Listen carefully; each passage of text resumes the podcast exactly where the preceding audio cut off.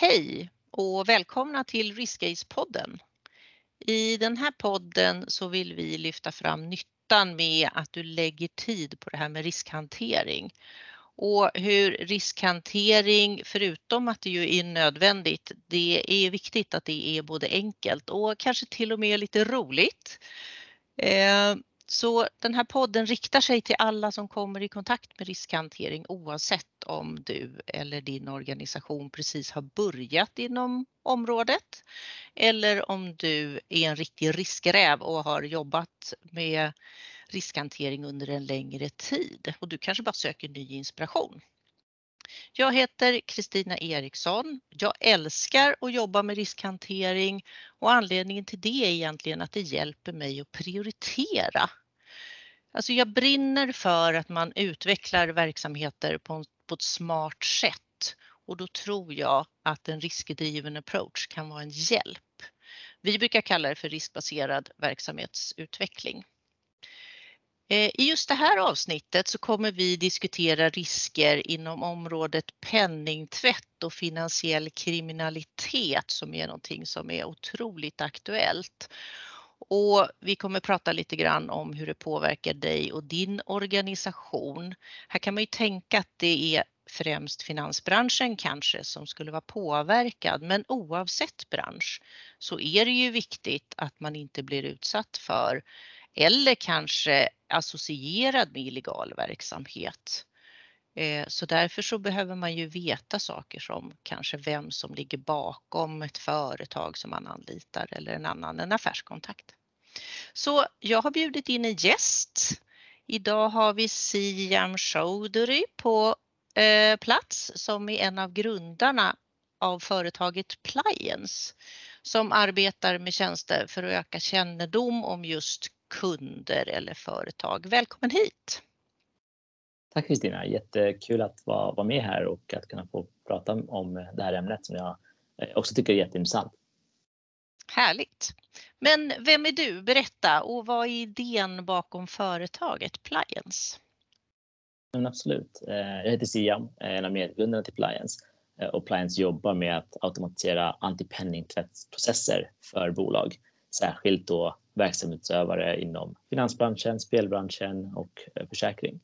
Grundidén kommer från att jag och mina medgrundare jobbat med eh, inom fintech och inom antipenningtvätt och såg att det behövdes bättre verktyg för att hantera dessa rutiner så att det inte blev bara manuellt arbete som egentligen höll en tillbaka från att proaktivt kunna jobba mot penningtvätt och finansiell kriminalitet.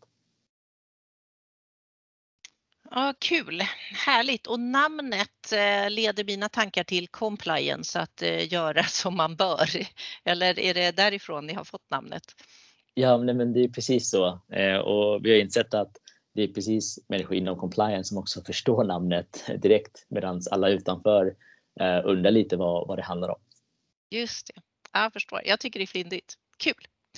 Eh, det här med ekonomisk brottslighet eller finansiell kriminalitet som vi ju sa i inledningen och penningtvätt för någon som inte är jätteinsatt. Vad, vad är det för någonting och vad är det som pågår i omvärlden just nu tycker du som är de stora trenderna? Det är väldigt mycket som händer i omvärlden just nu. Eh, kortfattat så är ekonomisk brottslighet all typ av brottslighet som ja, fokuserar på det ekonomiska, men det kan ju vara bedrägerier, skattebrott och liknande. En underdel av det är penningtvätt och det är metoden som kriminella använder för att kunna tjäna på och livnära sig på sin ska säga, kriminellt eh, anskaffade inkomst. Så att de tjänar pengar på ett brott genom till exempel eh, vapenförsäljning, droger, trafficking eh, och sen tvätta dessa pengar så att de kan använda det i samhället och livnära sig på det. Eh, och det ser vi ju väldigt mycket nyheter om det eh, tyvärr i, den senaste tiden. Kring men, olika härvor kring penningtvätt eh, och organiserad kriminalitet. Just det. Har det ändrat sig någonting om man tänker eh, penningtvätt? Där tänker man ju förut på kontanter mycket och så. Och nu i alla fall i Sverige så har vi inte så mycket kontanter. Tycker du att du ser någon skillnad? Ja, så eh, metoderna flyttas ju där pengarna finns. eh, och eh, pengarna finns ju idag mycket mer digitalt. Och det är också dit då penningtvätt och ekonomisk brottslighet har flyttat. Och på många sätt så blir det ju enklare i och med att det sker väldigt mycket innovation kring finansiella tjänster. Eh, och där har ju då kriminella möjlighet att ja, men, jaga och hitta eh, eventuella luckor i, i regelefterlevnad och, eh, och eh, Eh, bedömningar. Så jag tror att det har inte minskat utan det har ökat snarare och eh, ja, med all ny teknologi som, som vi använder så är ju de finansiellt kriminella lika angelägna om att kunna använda dem för sina motiv. Mm, absolut. På vilket sätt tycker du då att de här eh, trenderna påverkar risker inom ett företag? Eh, både inom finanssektorn kanske och även andra företag. Vad skulle man börja kunna tänka på? Mm. Vi brukar ju se eh, de här riskerna på två sätt. Det ena är den tekniska regelefterlevnaden och de risker som medförs om man inte utför det på ett bra sätt. Och det andra är då den direkta påverkan eh, i med till exempel penningtvätt och finansiell kriminalitet. Och vi ser ju exempel för båda delarna i, i nyheterna nyligen. Eh, till exempel så berättade Ericsson att de eh, har kanske av misstag eh, råkat betala IS i Irak för transporter av material. Och det är ju en, ett tecken på ett ja, icke-finansiellt bolag som då eh, transakterar pengar och det, det, går till, direkt, i det här fallet potentiellt då, direkt till att finansiera terrorism. Eh, å andra sidan så finns det också den här tekniska efterlevnaden som ska se till att stegen till det här eh, direkta påverkan eh, minimeras och att de kan undvikas. Och gör man inte det, då har man ju risker att till exempel få viten från Finansinspektionen. Det hände nyligen med Trustly och Clearon, två betaltjänstebolag.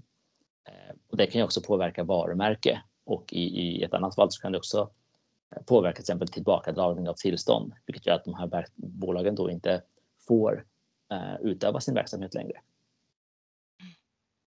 Det där är ju ganska, för när du säger teknisk regelefterlevnad, det är mycket det där det som står i, i lagar och regler, eller hur?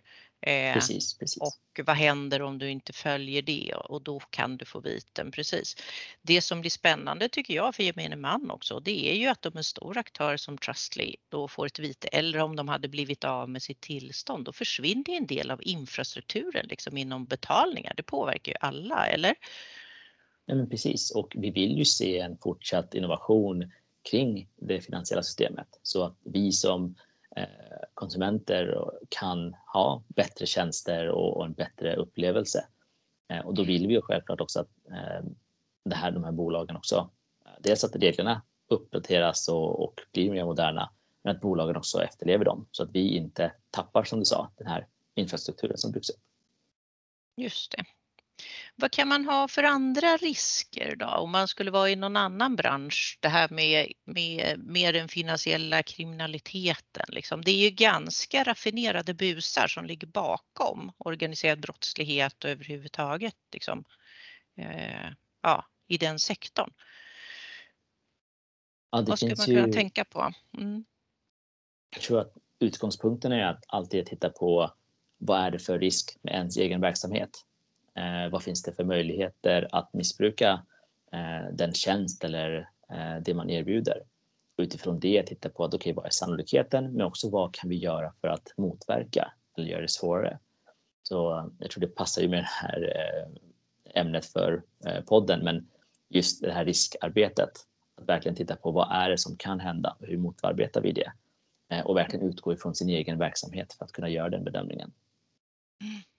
Mm. Och tittar jag på företag eh, som jag har hört om, dels så finns det ju en risk över kanske att en företrädare för ett företag blir av med sin identitet eller att du blir utsatt för olika typer av attacker som ju får finansiella följder.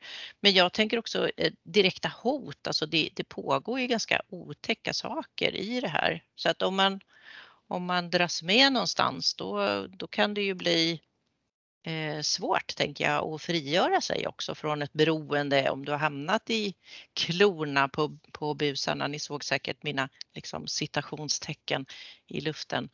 Eh, eh, du anlitar svart arbetskraft och sen så börjar någon hota dig. Eh, Sådana där saker kan jag fundera på om det är värt risken eller inte för en företagare. Precis. Det... Eh, nej, men där känner jag att, att eh, det är självklart inte värt risken. Eh, men också för att det, när man använder till exempel svart arbetskraft då döljs ju igen en del av vart pengarna kommer ifrån eller vart det går. Eh, och då finns det igen risk att det eh, ökar tillgängligheten för pengar och penningtvätt för till exempel organiserad brottslighet. Så det är syftet, en av syftena med att ha rena processer hela vägen för att kunna veta vart pengar kommer ifrån och vart de går är ju för att göra det svårare för finansiella eller för kriminella generellt att då tjäna på sina brott. Mm. Jag håller med. Det svåra kan vara att veta också vem du har att göra med, eh, tänker jag. Eh, ett helt annat område som jag tycker känns högaktuellt, det är, det är mycket tal om sanktioner just nu eh, i samband med den här konflikten mellan Ryssland och Ukraina. Eh, vad är en sanktion egentligen mm. och hur påverkar det konkret ett företag?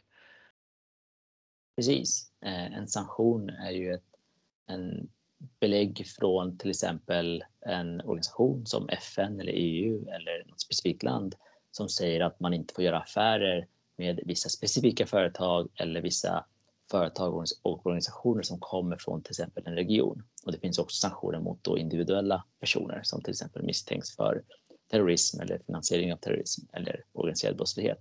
Vad det innebär i praktiken är ju att företag inte får göra affärer med dessa personer. Eh, och exempel på det är ju att man inte får till exempel eh, sälja vissa typer av produkter till vissa typer av eller vissa länder. Eh, det kan vara att man inte får erbjuda finansiella tjänster eller transferera pengar för vissa individer eller eh, områden. Och Ericssons exempel är ju, eller det är ju ett exempel där, där Ericsson i Irak har misstänkts för att betala då IS där för att få kunna göra transporter inom det området. Så det är ju potentiellt då en, ett, ett, ett brott mot sanktion, sanktioner där de har då betalat en organisation som definitivt är sanktionerad eh, i det här fallet IS. Just det. Så här är det ju faktiskt en bra idé då tänker jag att en företagare som gör mycket affärer utomlands och framförallt i det här fallet i den här regionen nu där det är ganska stökigt att de behöver fundera på, kan det vara någonting som påverkar oss? Får vi göra affärer på samma sätt som förut? Är det lite så man ska tänka eller hur? Vad gör man konkret? Man tänka. Mm. Eh, och att man ska känna till vilka leverantörer har vi, vilka jobbar vi med? Eh, och också att tänka att det är inte, oftast inte svart på vitt, att ja, men är det ett bolag i Irak, då får man inte jobba med dem. Eh, ett exempel med det här, det som, de sanktioner som skedde nyligen är ju att jag tror det tyska bolaget eh, bakom eh, Nord Stream 2 som heter tror jag Nord Stream 2 AG. Det är ett tyskregistrerat bolag, men det har sanktionerats av USA. Då måste man ju tänka på att om man har till exempel tyska, eh, förlåt, amerikanska ägare eller intressenter, då får man förmodligen inte göra affärer med det här Tysklandsbaserade bolaget som har sanktionerats på grund av eh, det som händer mellan Ryssland och Ukraina idag. Så det är, man måste verkligen titta på ja, vilka regler behöver man efterfölja och hur påverkas det eh, ens bolag och de leverantörer som man har. Just det, och det här gäller ju verkligen över hela linjen oavsett bransch tänker jag. Precis. Intressant. Det här är ju viktiga, ganska svåra områden tycker jag. Vad har du för råd då till ett företag om man skulle vilja undvika både att gynna penningtvätt och att bli associerad med eller kanske till och med utsatt för det här med finansiell brottslighet? Ehm, det är två sätt där och jag tror att det båda kommer ner till riskbaserad arbetsprocess. Att man verkligen tittar på sin verksamhet och sin bransch och identifierar vad riskerna är och mitigerar dem. Och då handlar det både om den tekniska regelefterlevnaden, det vill säga att man eh, verkligen tittar på vad lagar och regler säger att man ska göra Ehm, men också titta på utöver det, vad finns det för andra metoder eh, som min tjänst eller mitt företag kan eh, missbrukas för finansiell kriminalitet eller penningtvätt och sen lägga upp metoder för att motarbeta de typer av eh, processer. Mm. Jätte, jättebra. Så man tänker med andra ord att om buset skulle verkligen vilja utnyttja mitt företag, hur skulle de göra?